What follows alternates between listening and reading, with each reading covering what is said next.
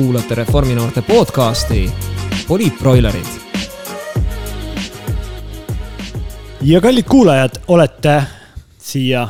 tänasesse stuudiosse kogunenud või koju, ükskõik kuhu, äkki jooksurajale. täna on saates Eesti kõige positiivsem ja progressiivsem podcast Eesti poliitikast, Eesti ühiskonnast nimeks Poliitbroilerid.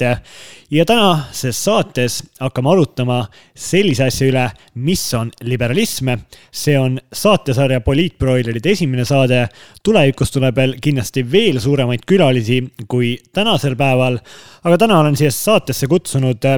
kaks väga sarnase nimega meest, tublit reforminoort, kaks meest, kes mõlemad töötavad kõrgel Toompea mäel töötavad Reformierakonna fraktsiooni nõunikena Sander Andla. jah, tere. ja Sten Laansoo. tere mõlemad tublid poliitbroilerid Reforminoortest välja kasvanud, nüüd riigileiba teenimas on. aga vaatame siis tänasele saatele otsa, mis on liberalism. liberalism on maailmavaade, millel on väga pikk ajalugu. see on maailmavaade, mis on võib-olla Eesti elu kõige rohkem mõjutanud, see oli ju noh, Mart Laari täielik selline kinnise idee, kui tema peaministriks sai, noore Mardi äh, siis käed ja silmad jagunesid ainult kapitalismi ja vabadusele. Äh, raamatu peale, selle pealt tehti suured reformid ära. aga mehed, rääkige, mis tähendab teie jaoks liberalism, Sander no siit äh, sissejuhatuse juurest nüüd edasi minnes, siis äh, ma ütleks, liberalism on minu jaoks nagu kaks asja, et esiteks äh, usk inimestesse, et iga inimene usub ise iseendasse ja usub ka sellesse, et noh, kõik töötavad oma parema äranägemise järgi ja keegi ei pea nagu ise suunama, korraldama, vaid inimesed saavad ise hakkama, pole mingeid kõrgemaid juhiseid nagu vaja. ja teine nagu hästi oluline niisugune liberalismi tunnus minu jaoks on ikkagi see, et kõik alustavad siis oma elu võrdse stardipositsioonilt nii-öelda et kindlasti tulemused ei ole nagu võrdsed, aga kõigil on äh, võrdsed võimalused ja täpselt see, et kui sa ise teed, siis sa võid äh, jõuda, kuhu sa siis soovid jõuda. et ma taandakski sellele kahele asjale selle. aga Sander, sa ütlesid, et usk inimestesse. kas õige liberaal usub ka konservatiivi ja sotsiaalisti? noh, see on hea küsimus, eks ju, oleneb, mida nad siis, mida nad siis räägivad, aga noh, eks liberalism on ka ju see, et tolereerida ka teiste inimeste vaateid, et me kindlasti ei ole nagu sellised, kes tõmbavad nüüd kõigile nii-öelda kaabu pähe ja ütlevad, et kõik peavad olema meiega ühesugused, vaid äh, see on ju üsna nagu aktsepteeritav, et sul on ka inimesi, kelle nagu maailmavaade on teistsugune ja ma arvan, selles ei ole nagu midagi halba, et äh, ma arvan, see ongi nagu, sobitubki siia, et iga inimene valibki ise selle noh, maailmavaate, mida ta nagu jälgib ja tegutseb selle järgi väga hea, Sander. Äh, Sten, vaatame, kas sinu maailmavaade sobitub äh, Sandriga. mis tähendab sinu jaoks sõna liberalism? no üsna hästi sobitub. Äh, kindlasti ju liberalismi keskmeks ongi ju inimeste tegevusvabadus. ja see vabadus ongi minu jaoks ka keskel kohal, mis seda kõike kokku võtab. vabadus oma otsustes ja samamoodi ka vastutuses. ja ma arvan, et sellest algabki see kõik peale ehk siis kõik peaks olema nii vaba, kui üldse saab, kas seadusi ka ei peaks olema? no päris ilma ju nendeta me ka ühtegi ei saa. et äh, see vabadus saab ju ikkagi küündida kuni sinnamaani, kus me hakkame sellega piirama teiste inimeste vabadusi. aga kus see piir jookseb? ma ei saa võtta Steni autot ja sellega omavaheliselt sõitma minna näiteks. aga Sander, sina rääkisid, kõige tähtsam on sinu jaoks see liberalismi näol, et kõik alustavad nii-öelda elu oma algust võrdsetel tingimustel ja kõik siis tolereerivad ka neid inimesi, kes võib-olla ei ole liberaalid, aga kes on sind nii-öelda juhatanud sellele teele, et sinu jaoks kõige õigem maailmavaade on liberalism no mulle ikkagi meeldib nagu mõelda, et iga inimene on nagu iseenda nagu elu eest vastutaja ja seetõttu noh, ma ei leiagi, et keegi oleks mind nagu otseselt niimoodi suunanud või sinna nagu juhatanud, vaid mulle nagu meeldib mõelda, et ma olen ise sinna jõudnud kuidagi siis oma tee käigus, et eks ma ikka olen siin erinevaid arvamusi, seisukohavõtte nagu lugenud igalt poolt, ma arvan, elu jooksul. ja, ja võib-olla mitte ainult suured filosoofid, vaid ka inimesed, kellega ma ise olen nagu suhelnud, kokku puutunud elust igalt poolt. aga just nagu kuidas ma liberalismini jõudsin, siis eh, ma tegelikult pidasin end liberalismi nagu maailmavaate toetajaks juba enne, kui ma üldse teadsin, mis asi see liberalism nagu on, et minu jaoks see oli justkui nagu tervemõistuslik, et eh, just seesama värk, et eh, kõik inimesed tegelikult just harivad samalt kohalt, noh, eriti nagu Eestis, kui sa oled nagu eluaeg Eestis elanud, siis meil on ju koolid ja kõik nagu tasuta. et võta ainult kätte ja pinguta ja tee, eks ju, ja sa jõuad, võid, noh, võid jõuda üsna nagu kaugele. Ja seetõttu minu jaoks nagu see oligi üsna kõik nagu loogiline ja lihtsalt kui hakati nagu kunagi koolis või nagu rääkima, et mis on siis erinevad ideoloogiad, siis ma kohe nagu saan aru, et jah, et liberalism ongi nagu see, mida ma olen tegelikult eluaeg uskunud ja minu jaoks see võrdlus niisuguse terve mõistusega lihtsalt no see oli küll, ütleme nii, et nagu õpikust õige liberaali vastus, et mitte keegi ei mõjuta mind, vaid mina ise olengi oma kõige suurem mõjutaja. Sten, kas sinul on samamoodi või sinul on keegi selline suurem liberaalne isa, kes on sind tuunud siia liberalismi juurde? ma tahaks mõelda, et ma olen ka ise jõudnud liberalismini Äh, aga ma arvan, et see oleks võib-olla natukene piiratud, sellepärast et tegelikult sul on äh, tükk maad mingisuguseid elusündmusi ja kogemusi olnud, mis on sind mõjutanud, raamatuid, mida sa oled lugenud. aga lõppkokkuvõttes selle otsuse ja ka arusaamise, et millise maailmavaate pooldaja sa oled, pead sa tegema ikkagi ise. ja ma arvan, et minu puhul see klikk lõppkokkuvõttes käis seoses sellega, et sa saad kuidagi aru, et äh, see ei ole Äh, justkui sinu jaoks õige, kui, kui riigil ja võib-olla ka teatud määral teistel inimestel peaks olema väga suur voli dikteerida, kuidas sa pead oma elu elama. ja jõudagi selleni, et äh, selline vabadus oma arvamuses ja ka tegevusvabaduses on sinu jaoks keskel kohal, siis sealt edasi on see tee liberalismini juba üsna lühike. aga Sander, sa ütlesid, et sa ise jõudsid liberalismini, sul on tundub, et sul on väga nagu kindel arusaam, kes sa oled isiksusena. Äh, aga mida see liberalism sinu jaoks äh, nii-öelda tavaelus äh, tähendab igapäevaselt, kas sa kuidagi situatsioonides mõtledki, et oot-oot-oot, ma pigem teen selle asja ise, kui ma kellegi peale nii-öelda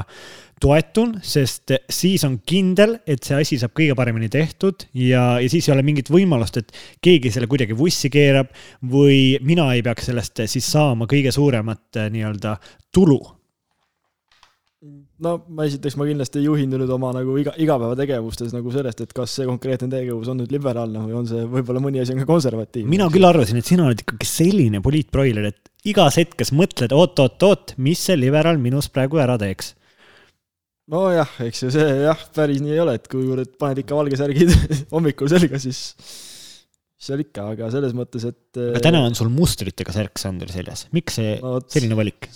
ei jähtunud ideoloogiast, aga ma mõtlen, et noh, liberalism kindlasti ei ole ka see, et sa nüüd teisi üldse nagu ei usalda enda ümber, et eh, pigem on ka nagu see, et sa usu, usud ka nagu noh, iseendasse ja tegelikult usud ka teistesse, eks ju, et usk inimestesse, et ma arvan, see nagu noh, jällegi oleneb nagu olukorrast, eks ju, aga Marsi keskne idee on jah, et ise olen nagu kontrollis, ise vastutan aga see kindlasti ei tähenda seda, et ma pean nüüd kõik tegema otsast lõpuni ise ära ja mitte kedagi teist nagu kaasama või teisi inimesi usaldama, et see, ma arvan, ei kuulu ühegi ideoloogiaga kokku tegelikult. Sten, sa oled Sandri siis eh, tegelikult ju kolleeg, väga lähedane kolleeg kõrgel Toompea mäel. Kui palju sina Sandrit aitad ja, ja kas te räägite ka tööajas nii-öelda liberalismist kui maailmavaatest või on pigem ikkagi käed tööd erinevate eelnõudega täis? käed on tööd täis, aga ma pean tunnistama, et meil Sandriga on olnud üsna huvitavaid vestlusid ka maailmavaatelistel teemadel. tuleb ikka vestluse käigus ülesse, mina arvan vähemalt. Aga ma arvan, et muidugi me aitame üksteist, sellepärast et me oleme head kolleegid ja võib-olla seal ongi selline usalduse tuum. et vaatamata sellele, et sul võivad olla mingisugused erimeelsused, ükskõik kas tööalaselt või väljaspool seda, siis tegelikult sa ju ikkagi eh, oled ühise eesmärgi nimel väljas väga hea, Sten, aga kui palju on räägitud siin Eestis, et kus on need punased jooned mõnel inimesel ja kus on mõne inimese väärtused või kas üldse mõnel inimesel siin Eestis väärtused on? mis on sinu sellised kindlad postulaadid, väärtused, mis mitte mingil, mitte noh, sellised asjad mitte, millest ei tohi mitte mingil juhul üle astuda, mis on sinu jaoks punane joon, kui seda tehakse? ma arvan, et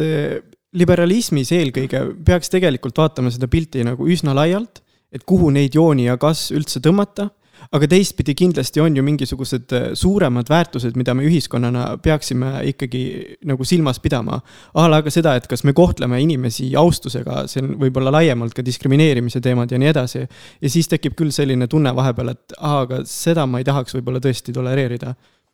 no mulle jah keegi ütleb, et ikka astmelist tulumaksu on vaja, siis mul lähevad ikka ohutuled põlema. Sina oled ka ikkagi palju ja mitu korda lugenud Milton Friedmani raamatut ja sellist turu, turuvabadust pooldad? absoluutselt, noh, see raamat, mida sa just kirjeldasid, mitu korda lugenud pole, aga hea raamat on ikka. ehk siis äh, ma sain esimese korraga aru lihtsalt vot väga, väga, väga hea vastus, Sander. Äh, et sina oled selline üks võib-olla vähestest kindla klassikalise liberalismi pooldajaid võib-olla Eestis ja võib-olla ka mingil määral Reformierakonnas, et kui, kui liberalism on, on ju natukene ajas muutunud, see on Euroopa tasandil kindlasti rohkem nii-öelda sotsialistlikumaks läinud, siis sina oled nende põhiväärtuste eh, pooldaja, mis eh, turu mõistes ja ka siis eh, noh, näiteks ka maksusüsteemi mõistes toetab ikkagi ühetaolist. ma kuulun nagu sinna jah, ja mul ongi nagu noh, kui me siin räägime ka noh, sellest, kuidas liberalism nagu ajas areneb ja muutunud on, siis noh, tegelikult võib-olla noh, kas nagu häirib või kuidagi on nagu see, et ei olegi nagu selge, et mida see mõiste siis noh, täpselt tähendab, et kui keegi ütleb, et ta liberaal, et milliste väärtuste eest ta siis nagu seisab, eks ju, et kui nagu USA-s noh, me peame üldiselt liberaalseks demokraate, noh, ma arvan, mina ütleme nii, et kui ma oleksin täna USA-s, siis noh, nende vaadetega, mis mul on, ma ilmselt demokraatlikus parteis võib-olla isegi ei ole kõige nagu populaarsem inimene, eks ju, et ma arvan, noh, sinna kuulub inimesi, kes noh, seal defineerivad liberaalina, aga kui nad oleksid Eestis, siis võib-olla oleks isegi meie Sotsiaaldemokraatlik Erakond nende jaoks liiga pare-, parempoolne, et et see nagu mõiste hägustumine nagu tegelikult on jah, et aga kas suudaksid olla praeguses republikaanide parteis USA-s? no ma ei suudaks sinna kuuluda, ma arvan, kui ma oleksin USA-s, siis mul oleks väga keeruline, sellepärast et ega niisugune paremäärmusus või noh, mitte isegi parempoolsust ma nende puhul nagu ei kasutaks, et see nagu nende populistide poliitika pigem isegi on ju vasakpoolne, eks ju, lihtsalt äh, nimetavad millegipärast end parempoolseteks, aga noh, ma ei näe ka nagu Donald Trumpi vabariiklaste osas enda, endal suurt niisugust ühisosa. ehk siis, kui sa praegu peaksid USA-s elama, Sander, siis oleks väga suur tõenäosus, et sa peaksid päris tööle minema, et saakski poliitikaga tegeleda või siis ma oleksin pannud ise kokku nii kõva erakonna ja oleksime Valges Majas kõik. no vot, see oleks küll hea, hea mõte, aga, aga Sten, kas sina ütleks, et liberalism on ajas muutunud ja, ja kuidas, kui ta on sinu arust muutunud? absoluutselt sest ju tegelikult äh, liberalism äh, on ju väga palju muutunud sellest, et kui Sander räägib, et äh, tema on pigem sellise klassikaliberalismi pooldaja, siis tegelikult ka kui, kui vaadata Eesti poliitilist maastikku, siis on see ju kõik muutunud palju laiemaks, väga palju on tulnud sisse sotsiaalseid jooni ja kõik sellest, et kuidas me peaksime aitama eelkõige neid, kes on ühiskonnas nõrgemal positsioonil ja neid, kes on jäänud võib-olla mingisuguse hammasrataste vahele oma elus. Aga kui me praegu siin nii-öelda võtame igas mõttes lahti maailmavaate nimega liberalism, kas üldse selline noh, maailmavaatelisus Eesti poliitikas on säilinud, kas näete, et on poliitikuid, on erakondi, kes ennast kindlalt siis positsioneerivad maailmavaate järgi, Sander? ma tegelikult olen isegi sellele nagu suhteliselt palju nagu mõelnud, aga minu, minu pärast üldse nagu praegu see noh, debatt on liikunud hoopis nagu uue teravikuga nagu kohta. Ja eri, noh, eriti kui ma vaatan nagu Eestit, eks ju, noh, tegelikult ka maailma, siis minu meelest on see nagu pigem debati pool ei ole niivõrd enam nagu parem versus vasak või isegi mitte konservatiiv versus liberaal, vaid mulle nagu üha rohkem nagu tundub, noh, eriti nagu Eestit vaadata, kus meil praegu nagu EKRE juhib valitsust, eks ju, et on äh, ühel pool niisugused äh, lammutajad, lõhestajad ja teisel pool on siis niisugused nagu ühendajad ja nagu loojad, eks et ma arvan, et liberaalid kuuluvad just sinna ühendajate loojate hulka. Ja siis niisugused noh, lah-, lahmivad jõud on äh, nende lõhestajate seas, eks ju, kelle siis noh, kogu poliitika sisu baseerub sellele, et kõige seni tehtu halvustamine ja just noh, just see loogika, et kõik on tehtud alates algusest peale valesti ja see tuleb kõik maha lõhkuda ja ja kõik peavad olema nagu täpselt meie kes omale kaabut pähe ei pane, et see tuleb siis nagu välja arvata, eks ju, et see ei ole ju üldsegi mitte liberaalne mõte, et kui sa meie siis vaadet ei ei esinda, siis sinu koht on nii-öelda uksest väljaspool, aga Sten, kas sinule tundub, et sellised väärtuspõhist poliitikat, poliitikuid, erakondi eh, on Eestis endiselt olemas? ma näen, et on küll poliitikuid, aga võib-olla üldisemalt tegelikult ju Eesti erakonnad eh, mingis vaates on üksteisele üsna sarnased. Eh, ja seal ei ole võib-olla nii suurt lahknevust kõikide erakondade vahel, kui, kui meedia näitab, et seal oleks. ma arvan, et Eesti poliitikas on tegelikult üsna palju rohkem koostööd, kui seda välja paistab samas ma olen täiesti nõus ka selle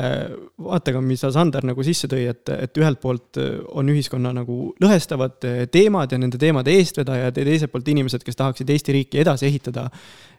sest Eesti areng on ju olnud tegelikult tohutu ja seda kõige positiivsemas mõttes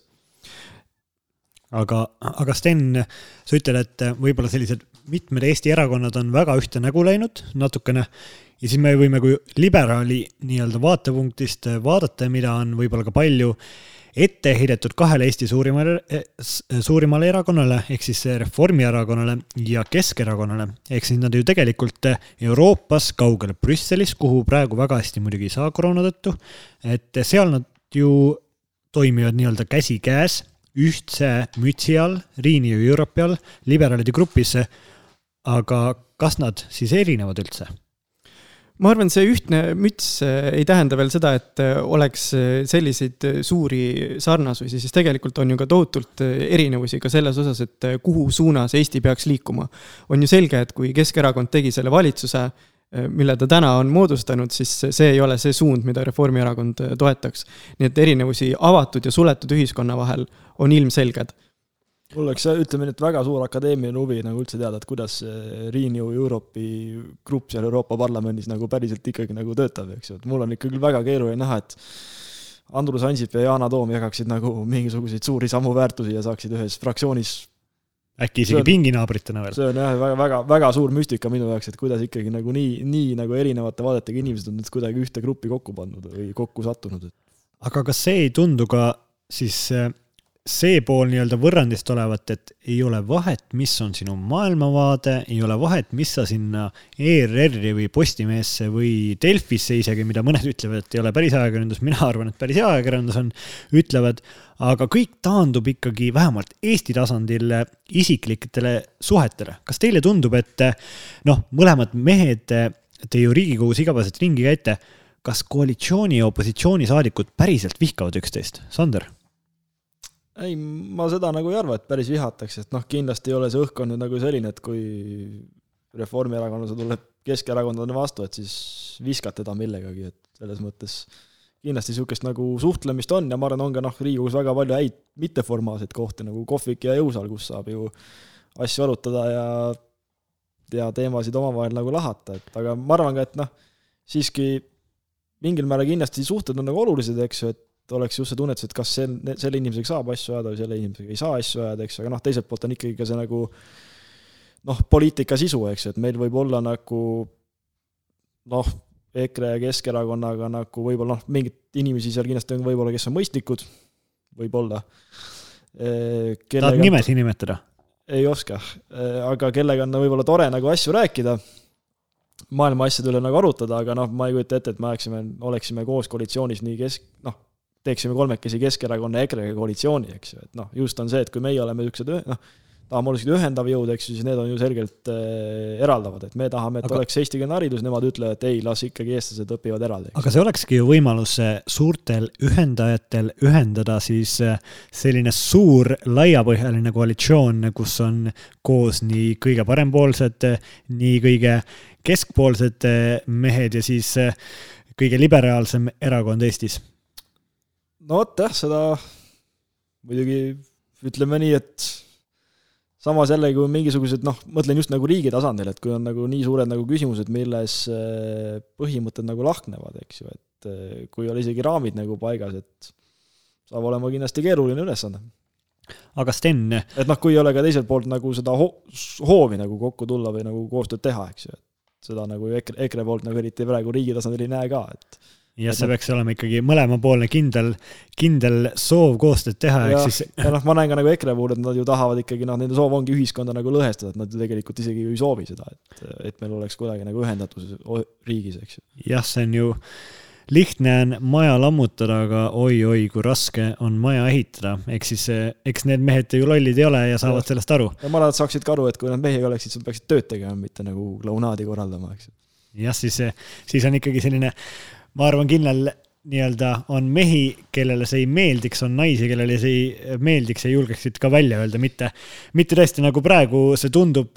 kõrvalt vaadates rohkem jah, tsirkuseetendus olevat ja selles mõttes väga hästi kirjutatud stsenaarium tsirkuseetendusele, et huvitav, mis see puänt seal lõpus on. aga tagasi tulla siis sellisele maailmavaate või isiklike suhete siis küsimusele, siis Sten, kas sinule tundub, et mis on poliitilise koostöö osas kõige tähtsam, kas selleks on maailmavaade või on inimlikud suhted? tegelikult ju mõlemad, sellepärast et esiteks esimene see, et on maailmavaade, paneb paika ju selle, et kas üldse on võimalik koostööd teha, jõuda ühisele arusaamale selles, mis on kõige olulisem asi, mida me peame väärtustama ja mida me tahame tänases Eestis ära teha. ja teisest, ega inimlikest suhetest me ei saa ka kunagi üle ega ümber sellepärast et Eesti paratamatult on küllaltki väike ja tilluke ja üsna tihti meie professionaalses poliitilises ringkondades me tegelikult eh, teame kõiki inimesi ja see mängib eh, üsna suurt rolli selles, et kuhu me edasi jõuame. aga kas sulle tundub, et üldse nagu Eesti poliitiline maastik liigub samm-sammu haaval selle poole, et saadakse aru, mis on see järgmine Eesti nagu suurim eesmärk, et kui kunagi oligi, kui noh, Siim Kallas Reformierakonna lõi, et siis ta tahtis võib-olla kõige paremat nii-öelda maksusüsteemi Eestis kui maailmas luua. kas praegu tundub, et Eesti ühiskond, Eesti poliitikud liiguvad sinnapoole, et saavad aru, mis, mis see suur ühine eesmärk on järgmisena? Ei, ma arvan, et eh, praegu vähemalt mina seda ei näe, aga võib-olla ma ei oskagi seda näha, et see peaks kuidagi innovatsioonist tulema, et kui meil oli see maksusüsteemi kordategemine ja, ja suur edasiminek, kui meil oli e-Eesti, aga mis meil on siis nüüd, et mida see kahe tuhande kahekümnendad peaksid defineerima, siis tegelikult seda ma nagu ise veel ei näe. Ja võib-olla ma hakkaksin sinu sõnasabast kinni, et kui sa ennem ütleksid, et on, on hea tsirkuseetendus, millel on stsenaarium, siis ma ütleksin vastupidi, et seda stsenaariumit ju tegelikult ei ole et kõik, mida nad teevad, on küllaltki hektiline ja seetõttu ei olegi võimalik aru saada, et mis on see üks suur lõppeesmärk, kuhu me nüüd peaksime Eestiga jõudma. jah, see, jah, see stsenaariumi nii-öelda mõte või repliik oli võib-olla jah, natuke kohatu, aga, aga mulle tundub jällegi, et see ei ole võimalik, et nii-öelda lihtsalt hektiliselt igapäevaselt tööle minnes suudetakse mingit noh, sellist nagu komöödiat, sellist plagiaati või vabandust, mitte plagiaati, sellist klounaadi välja mängida, kui see ei oleks nagu eelnevalt mingi grupi poolt eh, nii-öelda läbi räägitud ja läbi arutatud, et eh, vaidleme nüüd ära, aga siis eh, hiljem oleme ikka sõbrad edasi ja seda tehakse nagu korduvalt, korduvalt, korduvalt. no aga võib-olla, et noh, kui ma vaatan nagu EKRE poiste nagu tegevust, eks ju, et siis noh, nemad on kindlasti omale mingisuguse stsenaariumi kokku kirjutanud ja, aga noh, see stsenaarium ei ole nagu see, et kuidas Eesti elu edasi viib, vaid see stsenaarium on ikkagi noh, suhteliselt niisugune küüniline, et kuidas nagu oma erakonna nagu reitingut, väärtust, noh, kohtade, kohti Riigikogus päeva lõpuks nagu kasvatada, eks et noh, ma arvan, esiteks, kuidas Isamaa välja süüa ja teiseks, kuidas Keskerakonnalt hääli ära võtta, eks et ma arvan, nad tegutsevad ikkagi selle stsenaariumi järgi. aga mis see nagu riigi puhul on, et noh, mulle meenub siin nagu Andrus Ansip, et seda on küll palju kritiseeritud, eks ju, kogu aeg tuletatakse meelde, aga see, kuidas tema lubas ikkagi jõuda viie rikkama Euroopa riigi hulka, et tema oli vähemalt noh, see, kes sõnastas mingisuguse loo ja pani ka niisuguse kõlava eesmärgi, et kuhu võiks nagu piirduda ja noh, miks me peaksime võtma nagu selle hoiaku, et me ei ole, ei ole võimelised selleks, eks ju, et ärme nagu ise ka nüüd nagu maha tõmba. jah, täpselt, ega ju kohati ongi nii, et isegi kui sa võib-olla nii-öelda, kui sa töötadki, oled muidu väga tubli, aga sul eesmärki ei ole, siis sa töötad nii-öelda väga tublisti ümber laua, aga kui sul on eesmärk, siis sa jõuad ikkagi mitu kabinetti edasi ja, ja palju kõrgemale, et äh, ma arvan tõesti, see oli väga õige, see oli väga ambitsioonikas, aga vähemalt oli mingi eesmärk, mingi siht, kuhu poole minna, ega ju ka maratoonarid alustavad ju oma starti sellega, et neljakümne kahe kilomeetri pärast peaks olema finiš, mitte sellega, et ma nüüd jooksen mingi tempoga ja võib-olla kunagi keegi ütleb, et ah, nüüd olid päris tubli, eks ju. see on nagu Steve Jobs ütles, et äh, üldiselt need inimesed, kes on piisavalt hullud, et mõelda, et suudavad maailma muuta, on ka need, kes maailma muudavad, eks ju jah, see, see nii on, aga kui tulla tagasi liberalismi poole ja miks see muutunud on ja kui poliitikus, noh, teie kahekesti ju teate, te olete juba sellised kogenenud eh, politoloogid eh, nii-öelda eh, ja, ja mingil määral ka kindlasti tuleviku väga suured poliittehnoloogid Eesti poliitikamaastikul. ja poliitika vajab inimesi, vajab kedagi, kellele vastanduda kes või mis on praegu liberalismi suurim konkurent, kes teda survestab, kes teda paneb nii-öelda rääkima, kelle peale tõm-, tõusevad liberaalil ihukarvad püsti ja ütlevad, et oi-oi-oi, nüüd peab kindlalt vastama, sest tema on see meie kõige suurem vastane. Sten? no esiteks, need on kindlasti sellised äh, traditsioonilisemad ja konservatiivsemad väärtused, äh, mis üle Euroopa tegelikult ju levivad ja teistpidi, mis üritavad äh, teatud teisi vabaduse väärtusi jällegi nagu vastandada ja lõhkuda.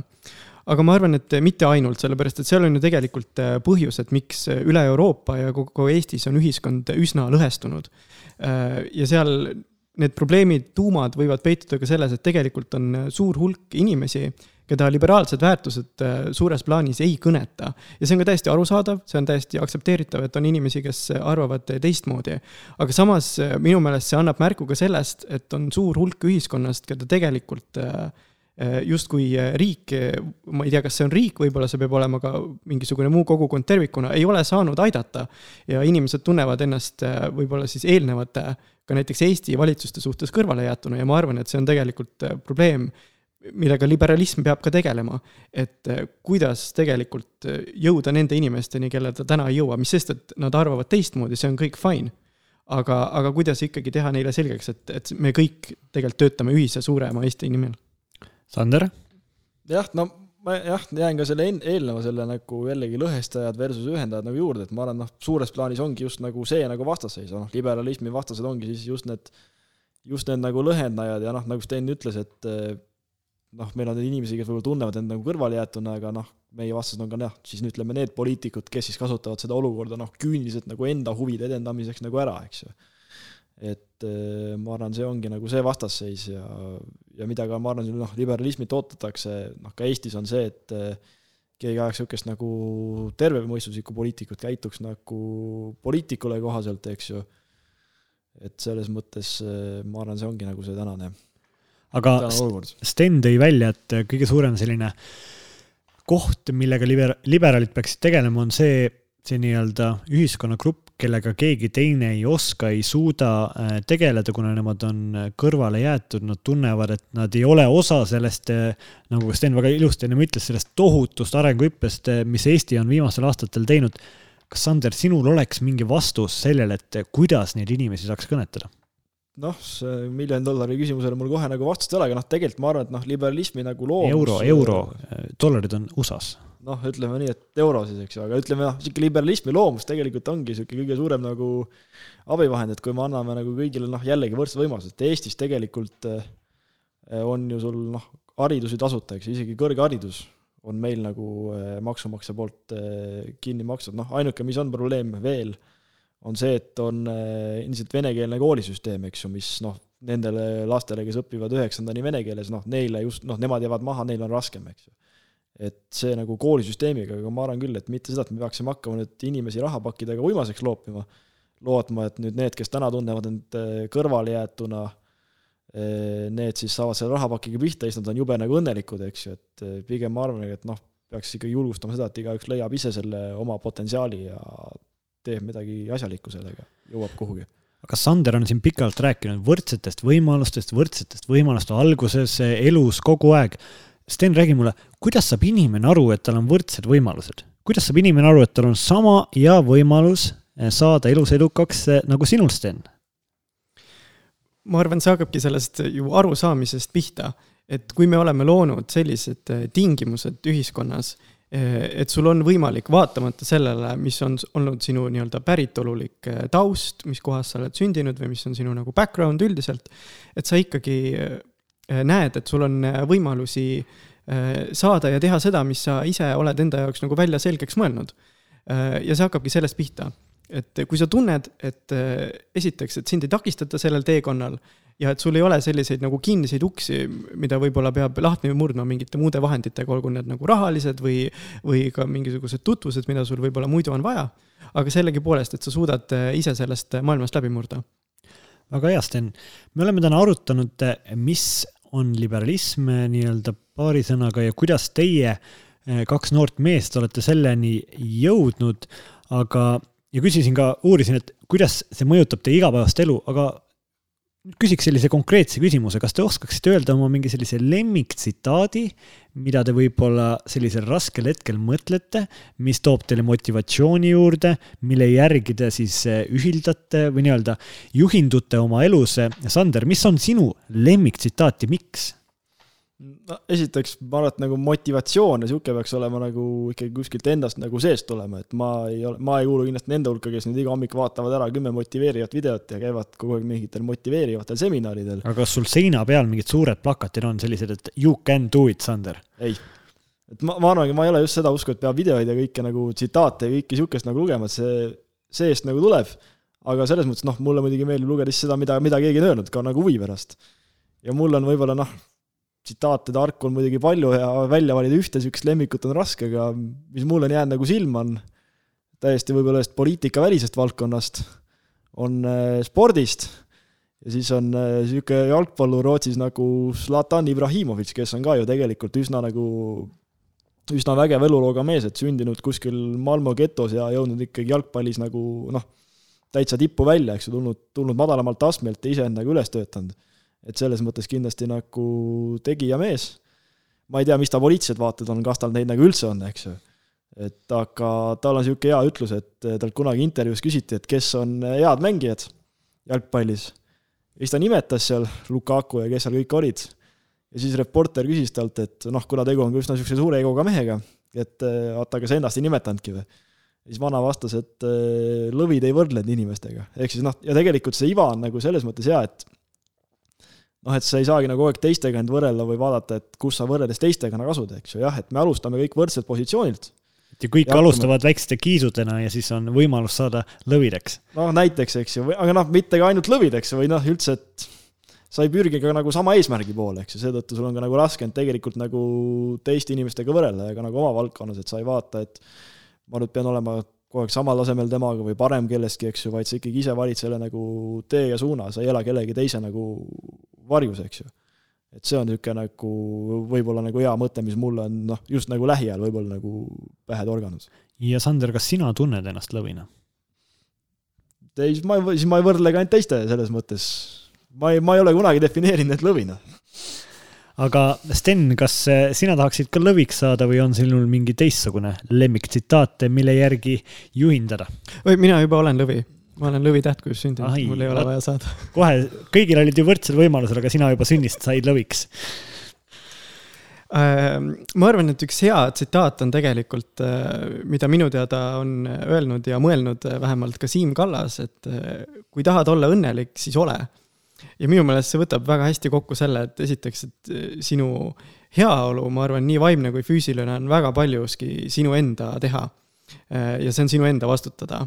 ja teistpidi see, mis toonides äh, sa näed maailma ja kuidas sa võtad äh, erinevaid situatsioone oma elus vastu, on samuti sinu enda teha äh, ja mõelda. ja,